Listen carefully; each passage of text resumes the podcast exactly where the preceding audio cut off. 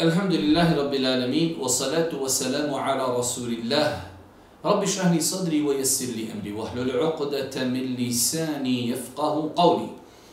Doista svaka zahvala pripada uzvišenom Allahu, tebareke wa ta'ala, salavat mili selam na Allahu poslanika, Allahu vinilka Muhammeda, alaihi salatu wa salam njegovu častnu porodcu, zorite ashabe i sve ljude koji slijede put istine do sudnjega dana.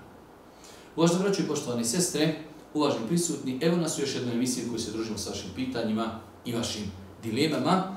Ovo je naša 147. emisija. Prvo pitanje, negdje sam slušao da je od da se abdesti samo po jednom. Znači, na da se može prati jednom ruka, a ne tri puta. Da li je istina ili sam pogrešno zaključio?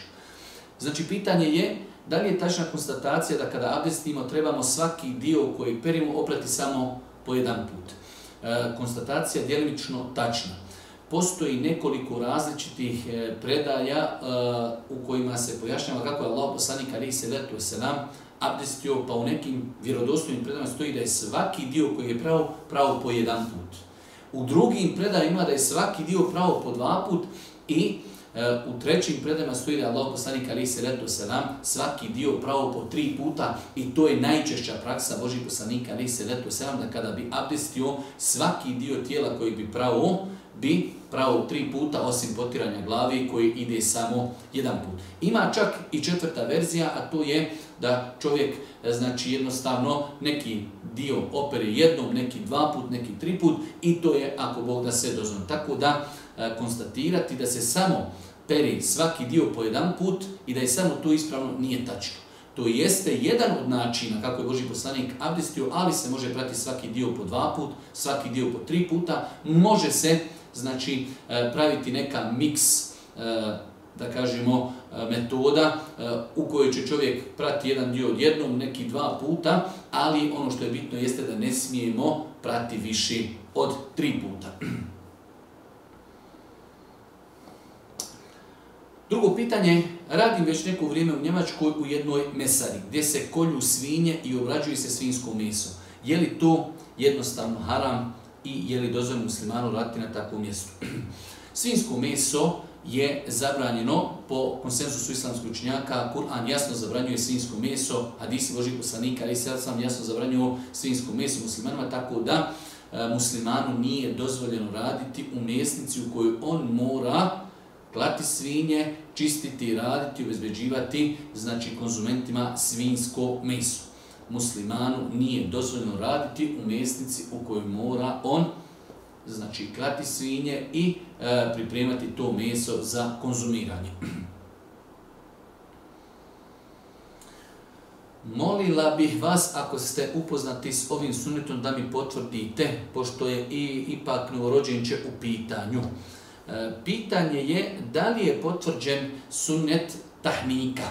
Tahnik je e, postupak kada se rodi dijete da neko, otac ili majka, uzme datulu, da je stavi u usta, da je ižvače, dobro ižvače, da ona postane znači bukvalno e, polutečna, bude mekahna i onda dio te datule da uzme i da stavi novorođenče to u usta.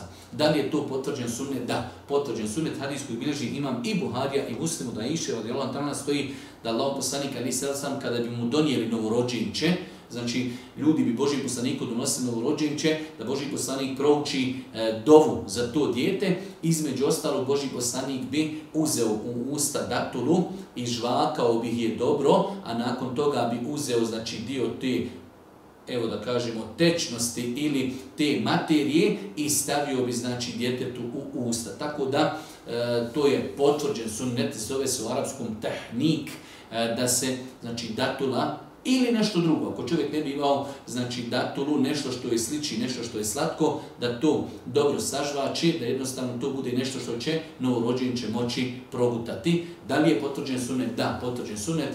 E, hadisi o tome su zabilježeni u najvjerodostojnim zbirkama kod imama Buhari i kod imama muslima. Radi se o tome da sam se porodila prije 15 dana, gledala sam vaše odgovore što se tiče porodilja 40 dana. Radi se o tome da li beba smije izaći iz kuće i prenoćiti u drugoj kući iako nije napunila još 40 dana. Ja i beba se osjećamo dobro. Moj otac je teško bolestan, ne, ne preostaje mu još puno, udaljen je od nas stotinja kilometara. Mislim smo otići da ga posjetimo i da vidi unuče da li je to ispravno nema nikakve smetnje s aspekta šerijata da žena, znači, e, prije nego što se napuni 40 dana od poroda, izađe iz da ode u goste, da noći, da putuje. Znači, ako njeno zdravstveno stanje to može trpiti, nema nikakvog ograničenja. Ovdje se radi o putovanju koje je dalje od 100 km. U takvoj situaciji žena da treba da ima sasu na putovanju mahrema, E, to nije sasvim dio pitanja, ali evo, da i to pojasnimo, tako da nema nikakve smetnje, nikakvog ograničenja da žena e, prije 40 dana e, otputuje, da noći, da ne bude u svojoj kući, ne postoji nikakav šerijetski dokaz koji obavezuje ženu da ne smije izaći iz kuće 40 dana, da ne smije iznijeti djene 40 dana, sve su to e, stvari koje su došle u našem narodu kao jedan vid rekla, kazala, sujevjerje i tako dalje, ne postoji nikakav dokaz da zabranjuje ili sprečava izlagazak iz kući e, prije nego što žena napuni 40 dana nakon poroda.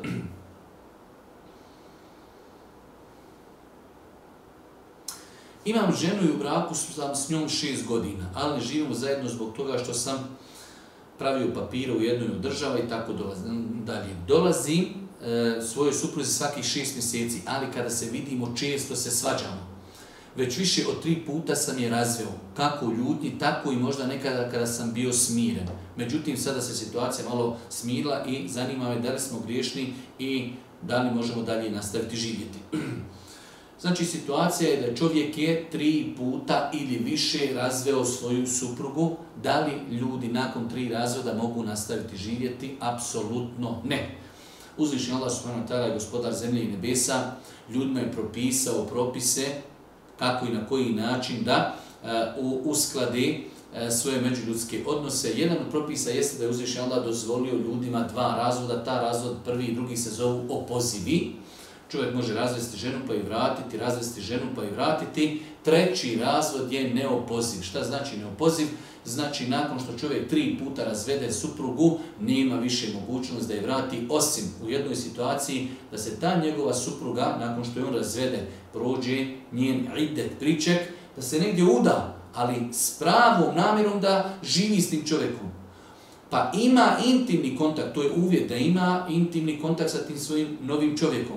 Pa nekada u životu, ako nju taj čovjek razvede, ona ima ponovo priliku da se vrati svom prvom čovjeku.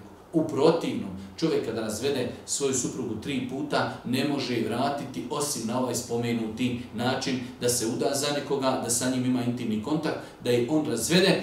Kada je on razvede i završi njen priček, onda ima ponovo mogućnost da se uda za svog prvog čovjeka. Tako da u ovoj situaciji E, čovjek više od tri puta razveo ženu, nekada u ljutnji, nekada i kada nije bio ljut, znači nakon trećeg razvoda život sa ženom znači je blud, život sa tom ženom je zabranjen, neispravan, intimni kontakt je, znači smatra se bludom.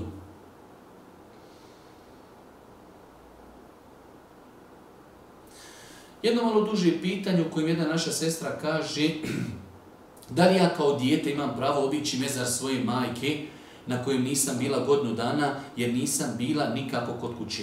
A u hajzu sam u momentu obilaska, e, odlaska na mezar.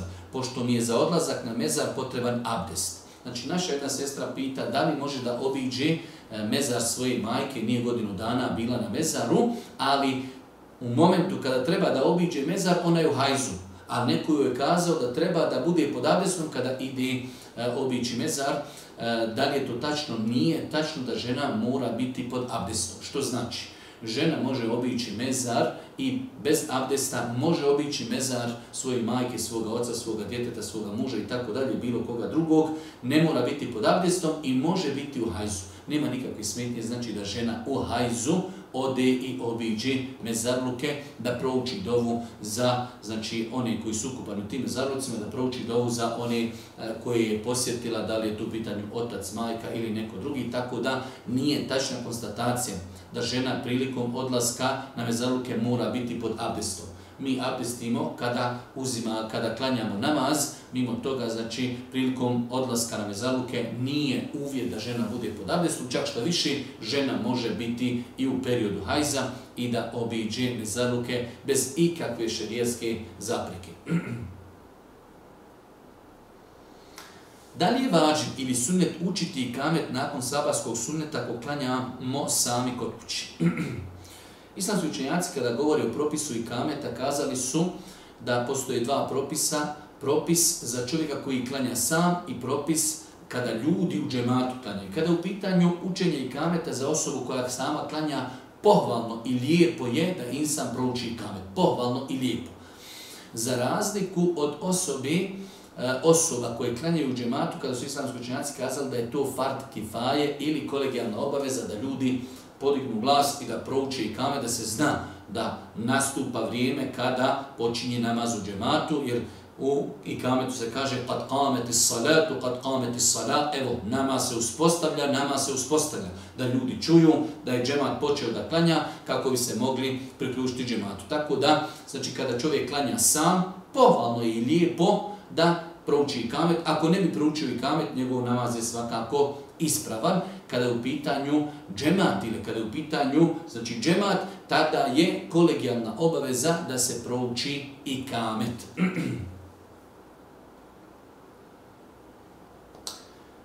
Pitanje da li se valja kupati na rođendan. Čula sam od starijih da to ne velja. Pitanje da li je dozvoljeno da se insan kupa na dan kada je on rođen, na svoj rođendan, čuli smo od, kaže, svojih starih da to nije dobro, ne postoji dokaz u islamu da nije dozvoljeno da je pokuđeno ili neispravno da se čovjek kupa na dan svog rođenja. Znači, osnova je, osnova je da je to dopušteno, da je halal, sve dok nemamo jasan argument koji to zabranjuje. Pošto nema ni u hadisu, ni u Kur'anu, niti u konsenzusu islamskih nešto što sprečava, kupanjem taj dan ostaje, znači da kažem da je to dozvoljeno, dopušteno, znači nema nikakve smetnje da čovjek se kupa na dan svog rođenja.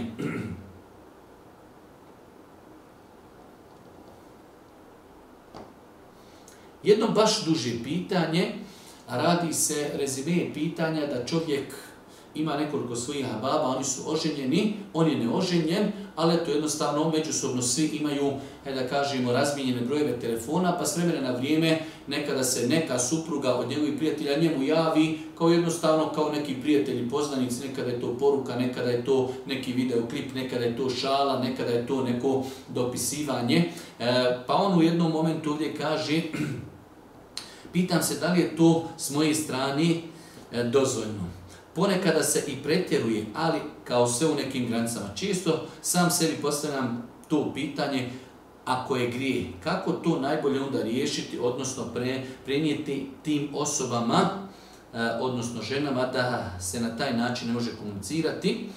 Kaže, ako se mene pita, meni to dođe isto kao da sam izašao sa njima vani bez moga jarana.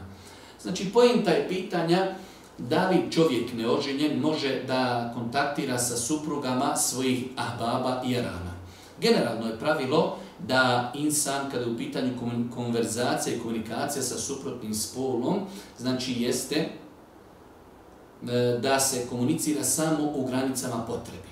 Pogotovo u takvim momentima kada čovjek ima prijatelje, poznanike i jednostavno to su jedna dodatna vrata kroz koja šeitan može čovjeku ući, znači jednostavno e, kontakt, viđenje, e, poruka, komunikacija i e, znači može to, ne daj Bože, odvesti ljude do nečega što niko ne bi volio. Allah Žešano zato kaže u Koranu وَلَا تَتَّبِيُ هُتُوَاتِ Nemojte slijediti šeitanove stope, a kada govori o bludu kaže nemojte se približavati nemojte se približavati bludu. Nije rečeno nemojte bluditi, znači, to se podrazumijeva, ali nemojte se približavati voda taqrabu zina, nemojte biti blizu bluda.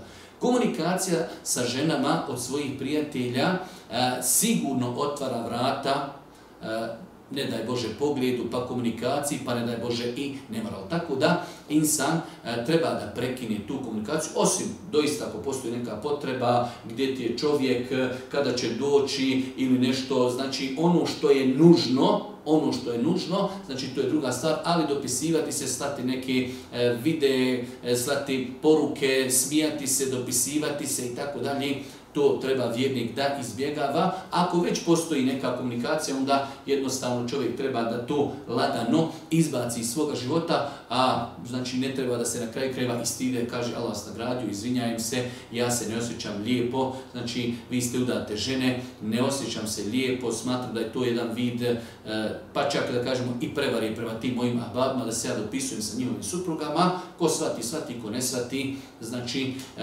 neka, neka, što bi rekao, pokušava da to e, riješi neki drugi način. Tako da, e, vjernik musliman treba da prekini komunikaciju sa ženama svojih prijatelja, osim ako su u pitanju neke potrebe i nužna komunikacija. da li postoji istina u priči o ptici zloslutnici koja svojim pjevanjem nagovještava nečiju smrt seba?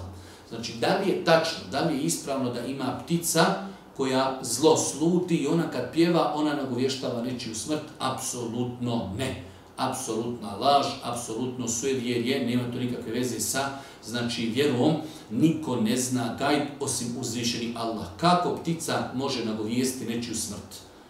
Kako ptica može znati da će neko umrijeti ako gajb ne zna niko osim uzvišeni Allah? Ta pitanja sujevjerja toliko su jednostavna za razumjeti samo ako čovjek pristupi hladni glavi, racionalno tim pitanjima. Kako može ptica za koja, koja je za nas nerazumno biće, kako ptica može znati kada će neko umrijeti i da ona pjeva i nagovještava nečiju smrt. Tako da to su samo praznovjerja, sujevjerja, e, babine gadke, rekla, kazala, muslimanu nije dozvoljeno vjerovati u takve stvari.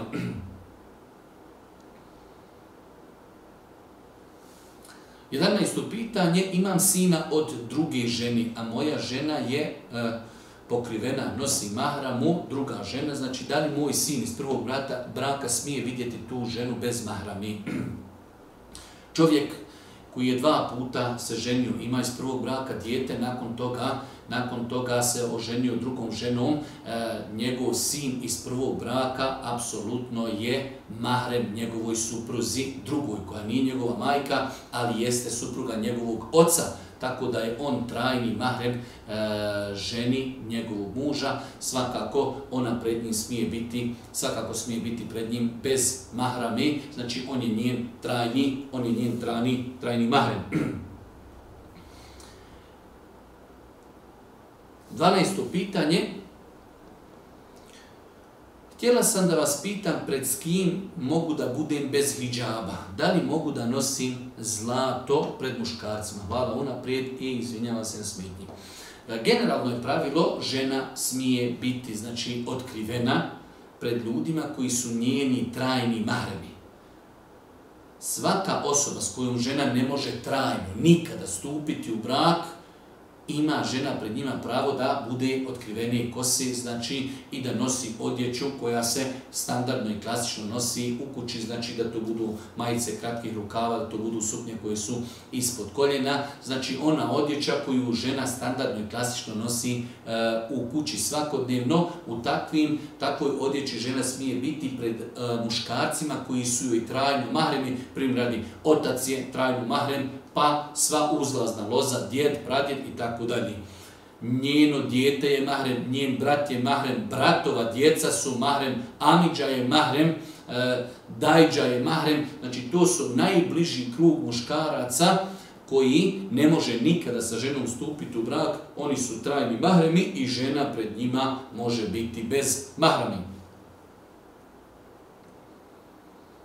13. pitanje nakon što uzim abdest za sabah i obučem čarape, da li mogu kada dođem na posao i krenim da klanjam, da uzmem samo farzove abdesta i potavim po čarapama? Znači ovdje je bila nejasnoća, dodatno sam kontaktirao ovu osobu, da li čovjek kada potiri prilikom uzimanja abdesta po mestvama, da li može da abdesti samo na način da će prati ono što mu je obaveza? Apsolutno da. Znači insan koji obuče mestve ili čarape kada kreni na posao, a obu ih je na abdestne noge, prilikom abdesta, bez obzira što će on potirati, to ne mijenja nikakav propis, kao što i mimo potiranja po mestvama mi imamo pravo da abdestimo samo da svoj abdest svedemo na farzove, žurimo, nemamo vode, tada abdestimo samo ono što nam je stroga obaveza. E, možemo li tada kada abdestimo samo da činimo stroge farzove, možemo li tada potirati po mestama ili po čarapama? Apsolutno da možemo. 14. pitanje, merhaba gospodine Peziću, zanima nas, moje društvo i mene, kako treba da izgleda jedna svadba? koji su obredi, odnosno kako je to radio u radio Muhammed aleyhi salatu Veselam. Kada je u pitanju svadba i svadbeno veselje, e, to su stvari koje se vraćaju na običaj jednog naroda. Ono što je bitno jeste da nema zabranjenih stvari u jednoj svadbi. A kako će neko organizirati svadbu, to, se, to je pitanje koje se vraća na njega. Neko će možda u hotelu, neko u nekom šatoru, negdje, neko u kući, neko na otvorenom, neke i tako dalje. Bitno je da nema muzike, bitno je da nema alkohola, bitno je da nema onoga što je zabranjeno, da nema muška, da se ne miješaju muškarci i žene zajedno. A ostali stvari, neko će, znači, rekli smo, organizirati u nekom hotelu, neko u privatnoj kući, neko u nekom restoranu, neko pod čatorom, pred kućom, jednostavno nema, nema smetnji u islamu, da kada je u pitanju i muškarci i žene, svakako da su odvojeni, da muškarci imaju nekoga ko će izvoditi neke ilahije, kaside, nekoga ko će zapjevati, da se ljudi opuste, da se ljudi raduju, da se ljudi veseli, bitno je da to samo bude bez muzike, da nema alkohola, da nema duhana, da nema muzike, da nema miješanja muškaraca i žena, Mimo toga, mimo toga, znači to je stvar koja se vraća na običaj jednog naroda. Mi imamo problem što se ne znamo veseliti osim uz harame, ali moramo te stvari popravljati, mijenjati. Tako je isto pitanje sa ženama. Žene ako su u nekom prostoru koji je zatvoren gdje nema pristupa muškarcima, žene mogu da se raskomote, mogu da znači i da imaju neku ženu koja će im e, i zapjevati neke ilahije ili kaside ili sevdalinke, pjesme u kojima nema ništa sporno, znači, ali je bitno da muškarci to ne čuju, da su žene od muškaraca odvojene. Ono što je poenta jeste da Islam nije precizirao kako se organizuje svadba, ali treba prilikom organiziranja svadbi da se izbjegnu stvari koje su islamom zabranjene.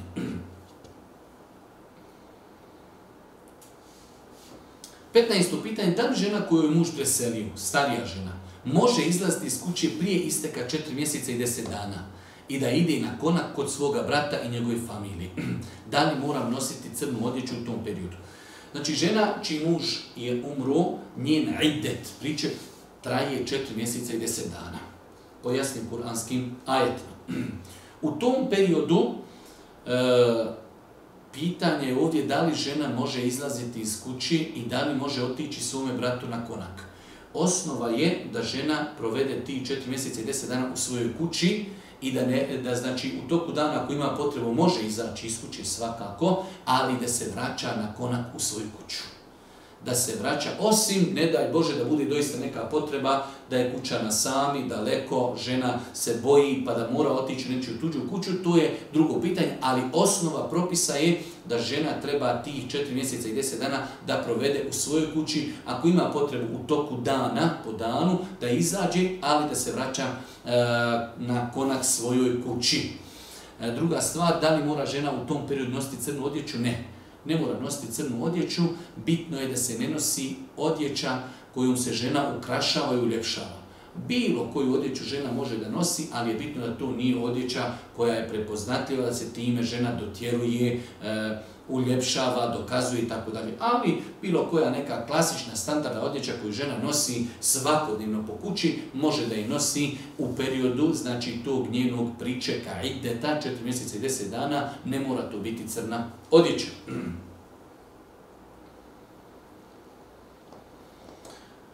Znam da se prema roditeljima mora ponašati na najljepši e, i najbolji mogući način, ali šta ukoliko je otac je osoba koja konstantno vrijeđa mene, kad znam za sebe. I danas kada sam udata, isto se nastavlja. Nikad nije uputio lijepu riječ, nego sve što pamtim od njega je vrijeđanje mene. Da sam nesposobna, da nisam vrijedna, da me se srami i tako dalje. Došla sam do te tačke da ne osjećam ništa prema njemu i da ne osjećam ni želju ni volju da ga poštijem. E, ovo pitanje smo ciljano odabrali da ne ga odgovorimo kako bi ukazali roditeljima na pogrešnu praksu, a to je E, da vrijeđaju, psuju i ponižavaju svoju djecu bez obzira što dijete e, i ima određeni mahana i propusta, ali opet čovjek treba da bude u svemu tome umjeren i ako kritikuje da ta kritika ima svoju težinu, ima svoje vrijeme, ali da ne bude čovjek neko ko ništa u svome djetetu ne vidi lijepo, nikada ga ne pohvali, nikada ne dovi za njega, nikada ga e, ne, ne, ne ajde da kažemo, stimuliše e, lijepim riječima, dovom, pohvalom i tako dalje tako da to je jedna velika greška u našem podneblju da ljudi zapostavljaju svoju djecu podrškom, lijepom riječu, dovom, e, e, pohvalom, pa čak i pohvalom i pred drugima i tako dalje. S druge strane, Insan ne može kontrolisati ono što je u njegovom srcu. E, svakako da takav odnos i opođenje roditelja prema djetetu dugim godinama mora, mora polučiti ovo što se desilo kod ovih naših sestre, to je da kaže nemam nikakvi više ni osjećaja prema njemu, ni želje da mu činim dobročinstvo. E, to što su emocije u našem srcu umrle, nikako ne znači da mu ne trebamo činiti dobročinstvo. Ono što on radi je greška. Kako ne bi shvatili pogrešno, to što on radi je greška ali isto tako mi nećemo greškom uzvratiti na grešku njegovu. Naše je da činimo dobročinstvo pre njemu, prema njemu u granicama koliko to možemo i koliko to on dopušta. Naš će uzvišeni Allah pitati na sudnjem danu kako se vodio prema svome roditelju. Mi ne možemo svoje srce korigovati reći e voli, nemoj voli. Nije to šalter, nije to struja.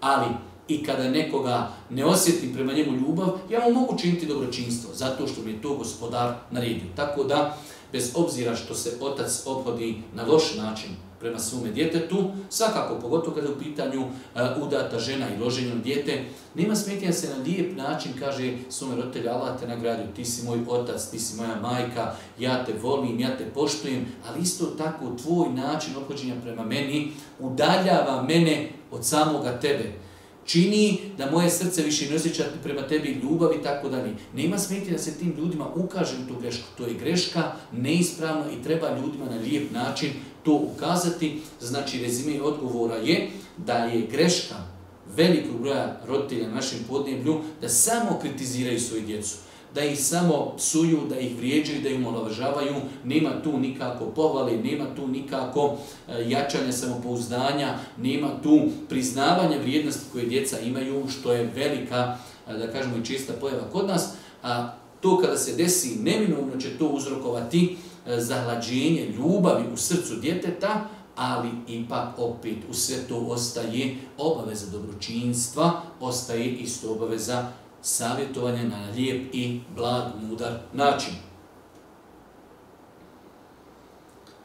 Pitanje postavljam jer je u dijelu Fikhul Hanefi en Mujeser stoji kako je jedan od namaskih kruha po hanefijskom klanja nje golobav. Pa me interesuje da li biste mogli odgovoriti da li za to ima uporište u hadisu i sunetu Božih poslanika. E, kada je pitanje, kada je ovo pitanje, znači na repertuaru, da li je ispravno i da li je pokuđeno klanjati otkrivene glavi, kažu islamski učenjaci da se to vraća na e, pitanje, se to vraća na jedno podneblje i običaj jednog podneblja.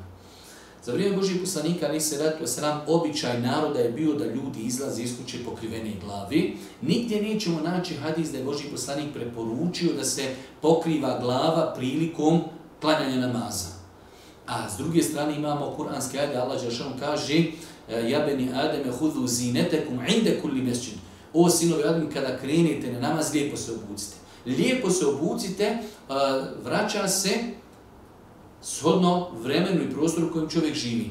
Kod Arapa je opće poznato da ne izlaze iz kuće glavi i kod njih se znači, na namaz ide pokrivenih glavi. U našem podnebnu, mi smo evropski narod, znači pogotovo e, ove generacije od zadnjih 50-60 godina, jednostavno niko više ne doživljava da je pokrivanje glavi, znači uljepšavanje insana niti neko smatra da je pokuđeno iskući izaći e, glavi. Samim time i klanjanje namaza bez kapi e, teško je kazati da je pokuđeno.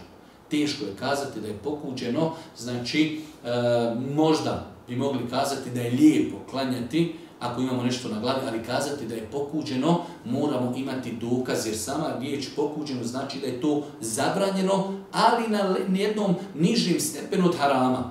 Znači imamo haram, a pokuđenost mekruh jeste nešto što je ispod harama zabranjeno, ali samo malo nižim stepenom.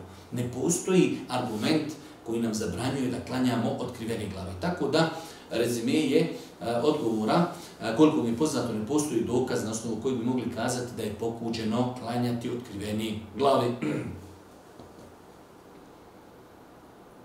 18. pitanje, Čega treba da se čuva žena čiji muž je umro u periodu pričeka 4 mjeseca i 10 dana? Malo prije smo spomenuli da je priček ženi čiji muž je umro 4 mjeseca i 10 dana. U tom periodu za ženu koja je ostala nakon čovjeka vezuju se određeni propisi, e, mogu se e, rezervirati u pet E, znači tačaka prva stvar, obaveza je ženi da boravi u kući u kojoj je boravila sa svojim čovjekom, znači dok su njih dvoje živjeli zajedno, to je osnova. Da ona ti četiri mjeseca i deset dana boravi u toj kući u kojoj su njih dvoje živjeli. Po danu može izlaziti, ali navečer treba da se vraća, znači da noćava u toj kući. Drugo pitanje jeste e, da u tih četiri mjeseca i deset dana žena ne oblači odjeću kojom se uljepšavaju i ukrašava. Znači može nositi klasičnu standardnu odjeću koju nosi svakodnevno po kući. Svi mi znamo šta je odjeća ukrašavanja, uljepšavanja, dotjeravanja, a isto šta je to klasična neka i obična odjeća koja se nosi svakodnevno. Znači nije uvijek da to bude crna odjeća, već da to bude klasična standardna odjeća koju žena nosi svakodnevno u svojoj kući bez da se dotjeruje kao da je bajram, kao da je e, svadba ili dolaze gosti. Svi mi znamo što znači dotjeravati se odjećom. Isto tako, žena u tom periodu, četiri mjeseca i 10 dana, ne treba da se e, ukrašava nošenjem nakita. To je treći propis, znači da ne nosi nakit putem kojeg se ona dodatno ukrašava,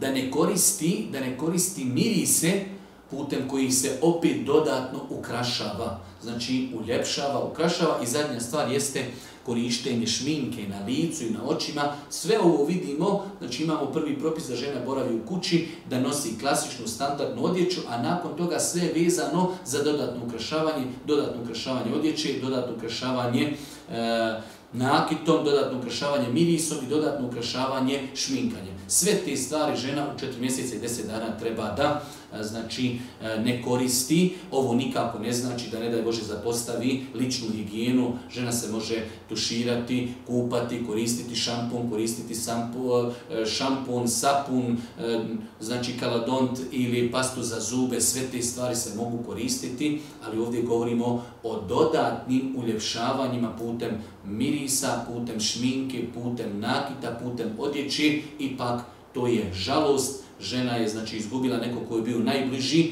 4 mjeseca i 10 dana znači treba da ispoštuje e, sa ovim propisima.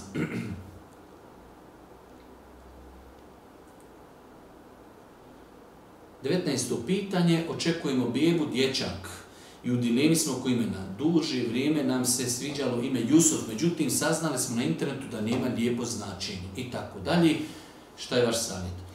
Jusuf je poslaničko ime, a poslanička imena su najljepša imena. Tako da nema smetnje da se da djetetu poslaničko ime i ne treba istraživati značenje poslaničkih imena. Znači, e, znamo da su islamski učenjaci kazali da nakon što je Boži poslanik preporučio da su imena Abdullah i Abdurrahman i druga imena koja počinju sa riječ Abd, da su to najljepša imena, nakon toga su islamski učenjaci kazali da su najljepša imena imena poslanika. Tako da znači e, istraživati šta znači Ibrahim, šta znači Musa, šta znači Jusuf, šta znači Junus je bespotrebno totalno. Imena poslanika su jedna od najljepših imena koja možemo dati svojoj djeci.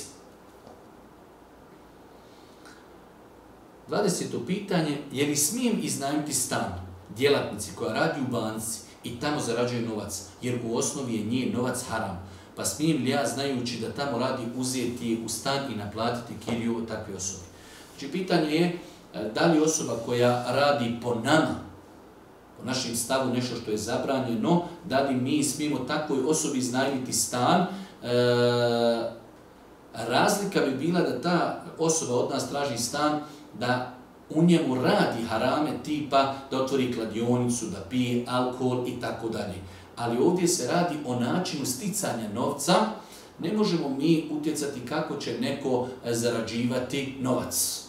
Možda ta osoba je stava da rad u banci znači je halal, dopušten. S druge strane, taj novac koji ona zaradi sam po sebi, on je stečen na pogrešan način, ali on kao novac, kada ga ona nama da, nema na njemu da piši haram novac. Tako da Allah najbolje zna u ovakvim situacijama e, dozvoljeno je insanu da renta stan ili kuću osobi koja po našem nekom uvjerenju radi neki posao koji možda mi ne bi radili, osim ako je u pitanju nešto da mi nekome rentamo lokal, kuću ili nešto drugo gdje će on raditi harame, gdje će on e, znači otvoriti, e, ne daj Bože, diskoteku ili kladionicu ili e, da će tu u našoj kući prodavati alkohol, to je nešto što je sporno. A način kako on zarađuje novac, to je stvar za koju će on odgovarati, a ne mi. Želim vas pitati za mišljenje, da li u islamu dozvoljeno loviti ribu ili neku drugu vrstu divljač čak i ako ne imamo neku prijeku potrebu za time naravno misleći na halal divljač. Da li je grijeh ako, na primjer, ulovim ribu i tu ribu poklonim nekome jer ja ne volim ribu?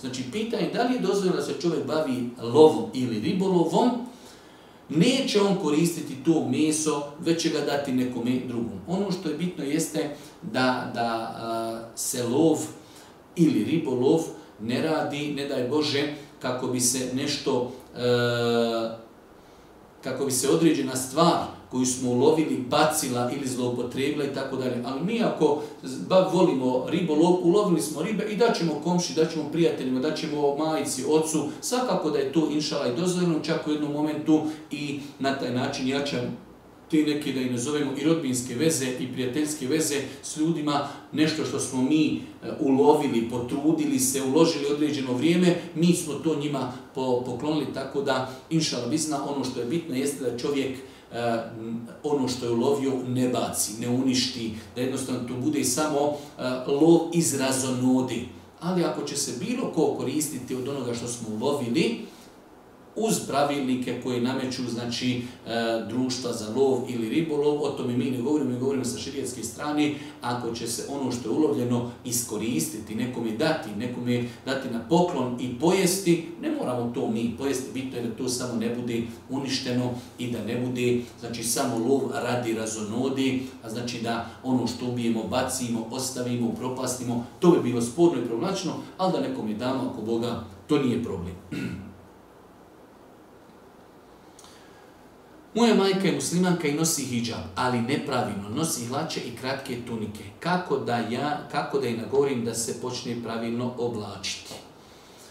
E, definitivno e, svakim danom sve više naših sestara koji nosi hijab, a taj hijab ne ispunjava e, uvjete koji su islamski učenjaci postavili da bi hijab bio ispravan. Pa ćemo vidjeti e, da dosta puta određeni dijelovi tijela kao što su ruke, vrat, uši, e, pa možda nekada i noge, sve to otkriveno. Da ne govorimo da to dosta puta zna biti strukirano, zna biti usko, e, hlače, e, pa nekada i, nekada i helanke, šminka, mnogo, mnogo je grešaka koji se vezuju za hijab, znači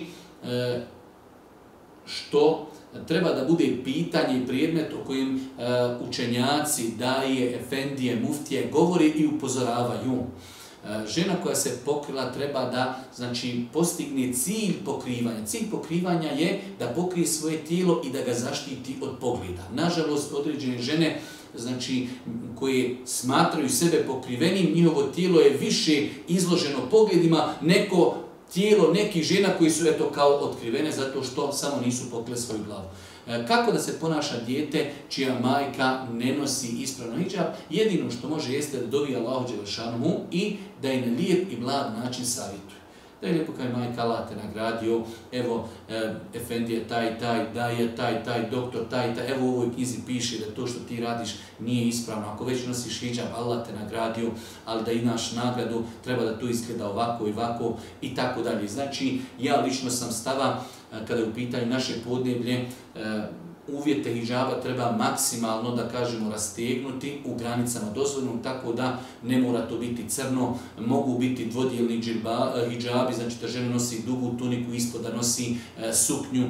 Eh, sve su to neke stvari da ne olakšice, ali niko od učenjaka nije dozvoljavao da žena nosi suknje lače, da ne govorimo da nosi znači helanke, šminkanje, turbani, mnogi i mnoge druge stvari, nepravilnosti, stezanje, i tunike ili mantila e, na struku, sve su to stvari koje treba žena vjernica da izbjegava prilikom nošenja hijjaba.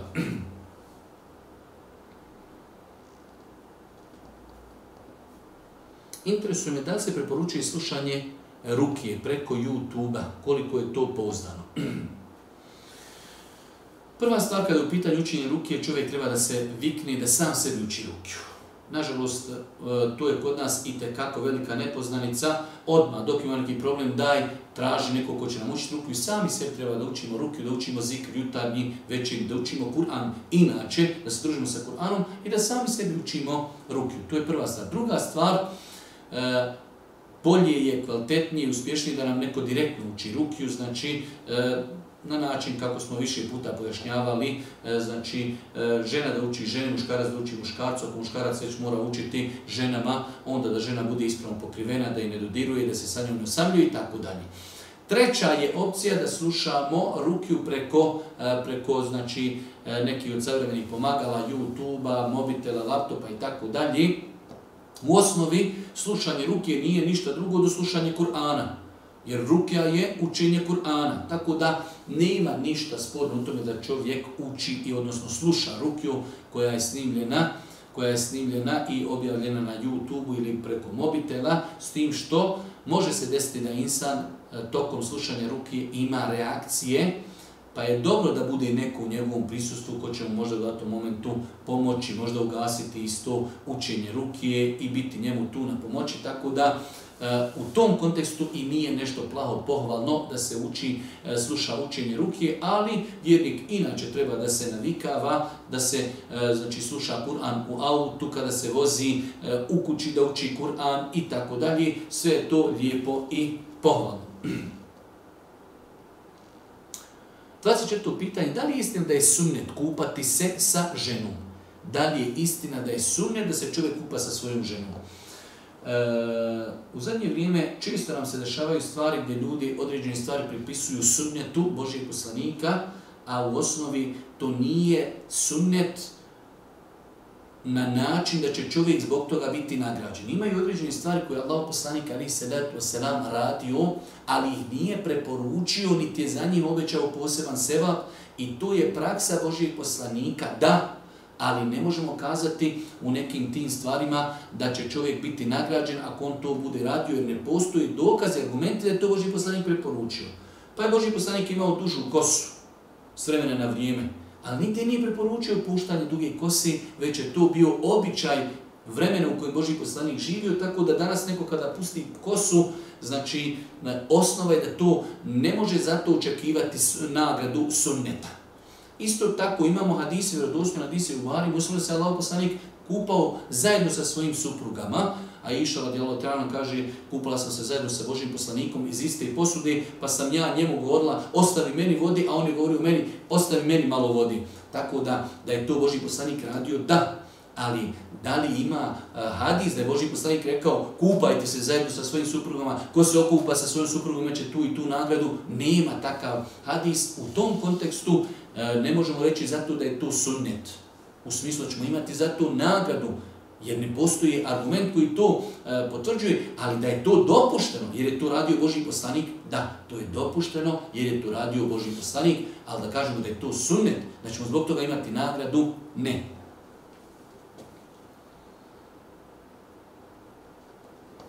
Da li se kunut dova može učiti kada se vratimo sa rukua na trećem rekiatu vitr namaza i da li se mogu dignuti i ruke tokom učenja kunut dovi? E, kada u pitanju učenja kunut dovi, e, rekli smo više puta postoji opcija da klanjamo vitr bez kunut Imamo opciju da učimo, da klanjamo vitr sa dovom. Dova se može učiti prije odlaska na ruku i može se učiti e, prije odlaska na ruku sa kijama i može se učiti nakon povratka sa rukua na kijam. Znači, oba dvije su opcije ispravne. Isto tako može se, znači, prilikom učenja kunu dove mogu se podignuti ruke, a može isto tako da se kunu dova uči, a znači, bez da diže ruke. Sve te opcije su inšala ispravne i validne i da nekada vidite vitr namaz bez dove da nekada učimo dovu. Nekada možemo učiti dovu prije rukua, nekada poslije rukua, nekada možemo podići ruke učenje, tokom učenja kunu dovi, a nekada možemo učiti bez podizanja ruku. Sve je to, inšala bizna, ispravno. 26. pitanje. Da li se može krenuti u majici na kojoj ima simbol bosanskih ljiljana? Hvala na odgovoru. Ne znam šta bi moglo da bude sporno u tome da čovjek klanja u majici na kojoj imaju bosanski ljiljani. Osim ako bi, e, gledam to s aspekta, da to može čovjeka dekoncentrisati. U tom kontekstu da. Znači, Boži poslanik, kao što je došlo u hadisu Buhari, Musim jedne prilike klanja u odjeći koja je imala po pruge, pa kada je završio namaz, skinuo je tu odjeću i kazao, nosite Ebu Džehmu, donesite mi odjeću koja nije tako šarena, ova, kaže, odjeća me sada u namazu zaokupirala svojim bojama, znači e, ide koncentrisala. Pa u kontekstu tom da čovjek znači kaže e, odjeća na koje imaju bile kakve slike i šare bolje izbjegavati, tako isto i za ljiljane. Ali u drugom kontekstu znači ljiljani kao ljiljani nemaju nikakvi, nikakav razlog da kažemo da je sporno imati ljiljane na majici kako u namazu, tako i izvan namaza. Tako da nema smjeti nositi majice na kojoj imaju ljiljani.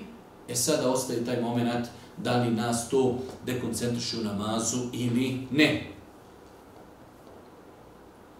27. pitanje, trenutno moje dijete je u bolnici, bit će mjesec ili dva. Sad mene zanima kako izvesti to e, vezano za akiku, jer se treba djetetu i glava obrijati, a mi nažalost ne možemo doći do djeteta. U svakom slučaju osobe koje su spriječene da sedmi dan djetetu obriju glavu, što je pohvalno i lijepo, imamo vjerodostojne adise koji po, postiću da se djetetu sedmi dan po rođenju, znači zakolje kika, nadjene ime i da mu se obrije glava. To su tri sunneta za novorođenče. Kada se novorođenče znači rodi, sedmi dan mu se daje ime, ako mu do tada nije dato ime, kolje se akika i brije mu se glava, a onda u protuvrijednosti kosi, e, od težine i kosi, daje se sadaka u srebru, a može i u zlatu. E sad, ako mi nemamo mogućnost da dođemo do djeteta, možemo znači zaklati sedmi dan akiku, možemo mu dati ime, a ono makar bilo i u bonci i možemo otprilike procijeniti kolika bi težina njegove kose bila i to podijeliti sadaki 20, 30, 40, 50 maraka, znači otprilike da čovjek da na ime toga težini njegove kosi, a to što smo spriječeni da obrijemo glavu, nismo spriječeni da ispunimo ostale sunjete, tako da ako se desi situacija da insan nema pristup svome djetetu iz određenih zdravstvenih razloga, može zaklati akiku, može nadjenuti ime i može udjeliti sadaku. Moja majka je izašla iz vjeri, to jeste prekrstila se i postala pravoslavac. Sada me muči to pitanje, pošto je pod majčinim nogama džennet, kako, kakve su moje obaveze prema njoj i da li to išta mijenja. Dobročinstvo roditeljima je obaveza bez obzira na njihovo vjersko opredjeljenje. Znači, dobročinstvo roditeljima je obaveza djeci bez obzira na njihovo vjersko opredjeljenje. Čak šta više, e, dijete čija majka je, e, evo da kažemo, promijenila, promijenila vjeru i postala pravoslavac. Ako ne bude činilo dobročinstvo, ako ne bude imala sa njom kontakt, kako i na koji način će je pozvati pojasniti da to što je radila je neispravno i da je to u islamu, znači otpadništvo od islama i da na taj način joj prijeti se da znači, će na, ahiretu, u, na budućem svijetu biti vječno Kako će to postići osim ako bude tu, ako je kontaktira, ako je čini dobročinstvo, imat će i priliku da je i posavjetuje. Tako da, znači, e, od savršenstva e, i ljepote Islama jeste da naređuje dobročinstvo, čak i u slučaju kada roditelji nisu muslimani. Ostaje dobročinstvo, ostaje druženje, znači i ostaje savjetovanje. E, u ovom slučaju ta majka, ona je najprioritetnija savjeta da joj insan čini dobročinstvo i da je na lijep, blag i mudar način savjetuje da to što je radila je apsolutno neispravno i znači može i koštati vječni patnji na ahiretu. 29. pitanje, ja imam 20 godina i nisam osuničen. Sada trenutno živim u tom i tom gradu u Bosni i Hercegovini. Da li bi se ja morao osunetiti ili ne moram? Jer me je strah, ali i sramota. u svakom slučaju, e, tačno je mišljenje islamskog učenjaka da je čovjeku sa postizanjem punoljetstva obaveza da se osuniti. To je znači propis, da je obaveza da se čovjek osunniti. E, svakako da to treba i preuzeti na sebe roditelji, e, čak i dok je dijete što je mlađe, bolje da se dijete osuneti, znači u ranoj, ranoj baš mlado, mladosti, čak znači mjesec dana nakon rođenja, dva mjeseca, tri mjeseca, što mlađe to je bolje i lakše će to ako Bog da podnijeti. E sada, ako se desi da E, roditelji su zakazali, dijete odraslo 20 godina, nije dijete osunvećeno. Da li mu je obaveza da se osuneti, propis istaje, isti ostaje i dalje. Sunnećenje jeste obaveza. Ali, ako bi čovjek kazao jednostavno strah ne smijem, ne znam i tako dalje, znači jednostavno E, treba da shvati da je on zakazao u tom e, propisu, ali jednostavno e, ne možemo čovjeka pod naznacima natjerati na silu. Ono što je velika olakšica danas jeste da se sunnečenje može obavljati u znači, institucija, može se obavljati u bolnicama, može se obavljati putem anestezije gdje čovjek bukvalno neće ni osjetiti taj hiruški manji zahvat, tako da ne, treba, ne treba se čovjek bojati, ne treba se na kraju krajeva ni vidjeti, treba da se stidi neko drugi e, koji je dozvolio da dijete dostigne do 20. godine, da nije osunečeno, tako da e, naš savjet je svakako e, uz pomoć prijatelja, poznanika, jednostavno da neko ode sa čovjekom, jednostavno da ga malo E, osokoli, da ga malo ohrabri, nije problem, ajde nazvaćemo doktora, otićemo, to će biti uz anesteziju, nemoj se stiti, tako dalje. E, smatram da to čovjek treba uraditi, ali ako bi čovjek kazao ne smijem, bojim se, Treba da zna da je to jedan od propisa islama, da se treba usunetiti, dodatno treba paziti e, na higijenu spolnog organa, treba da pazi na mokraću, ali ako i ne uradi, znači e, Allah subhanahu zna sačije stanje, ali ako i kako postoji mogućnost da ode znači, s nekim od svojih prijatelja, poznanika, da odu u neku od ordinacija, znači e, hiruški poduhvat da se to obavi e, uz anesteziju, da čovjek to bukvalno neće ni osjetiti.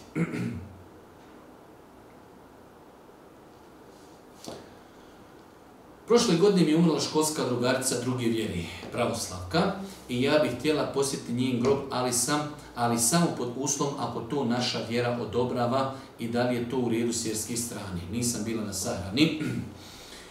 Eh, generalno gledajući nema smetnje da čovjek odi na kabur ili da odi na, na, znači, na grob osobe koja nije musliman. Ali ono što je bitno da znamo jeste da insan prilikom te posjeti ne može upućivati gospodaru dovu za tu osobu.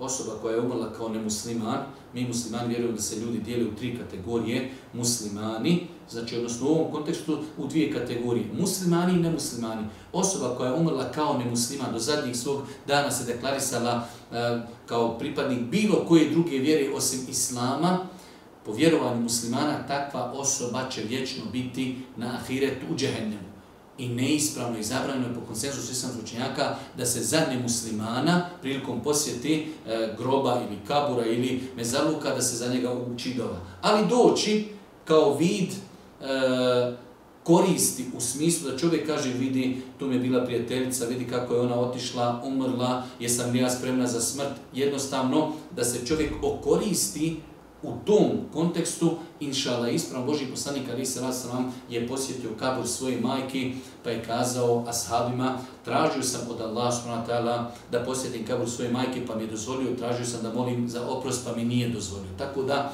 znači nema smetnje da se posjeti kabur ili grob e, nemuslimana, ali nije prilikom, znači posjeti dozvoljeno doviti za njega viši, znači da ta posjeta bude radi ibreta, radi koristi, a ne radi dovi.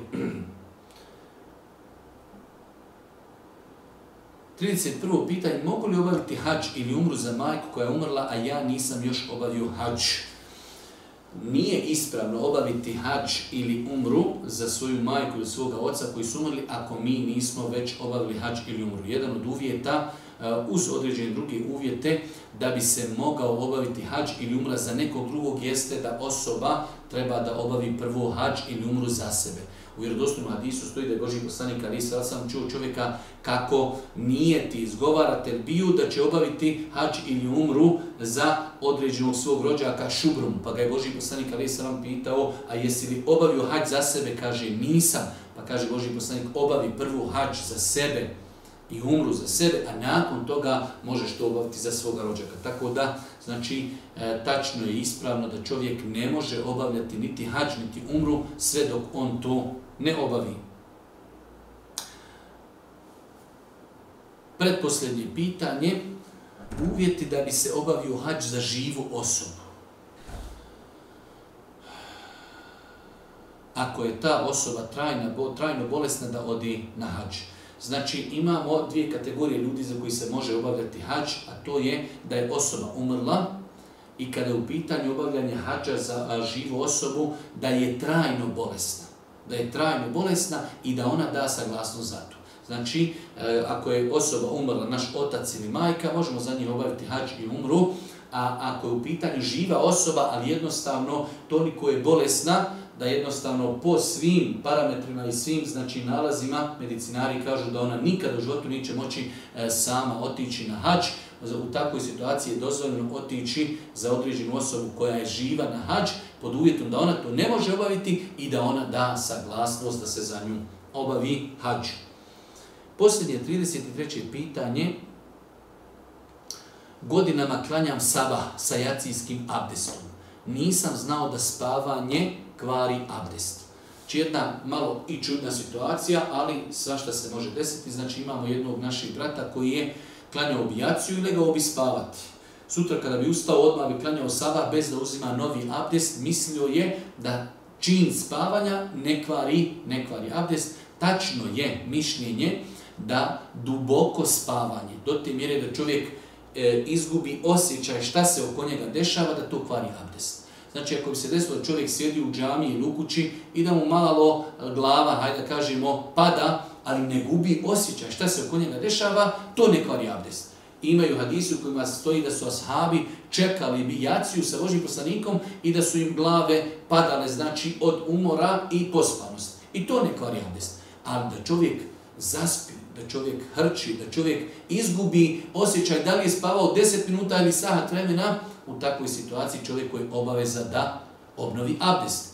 U ovoj slučaju e, čovjek godinama klanja, šta ćemo kazati za tog čovjeka, treba da se pokaje uzvišeno Allah subhanahu wa ta'ala e, i da ostavi tu praksu. Nemoguće da čovjeku kaže, da to mora naklanjavati, to je bila greška, ali je to bila greška iz neznanja. U islamu kad se nešto uradi iz neznanja, znači insan zbog toga nije griješan, ostaje moment da to u istom momentu čovjek treba popraviti i ne raditi takvo dijelo više.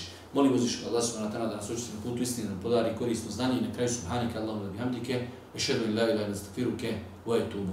Ilik. Ah.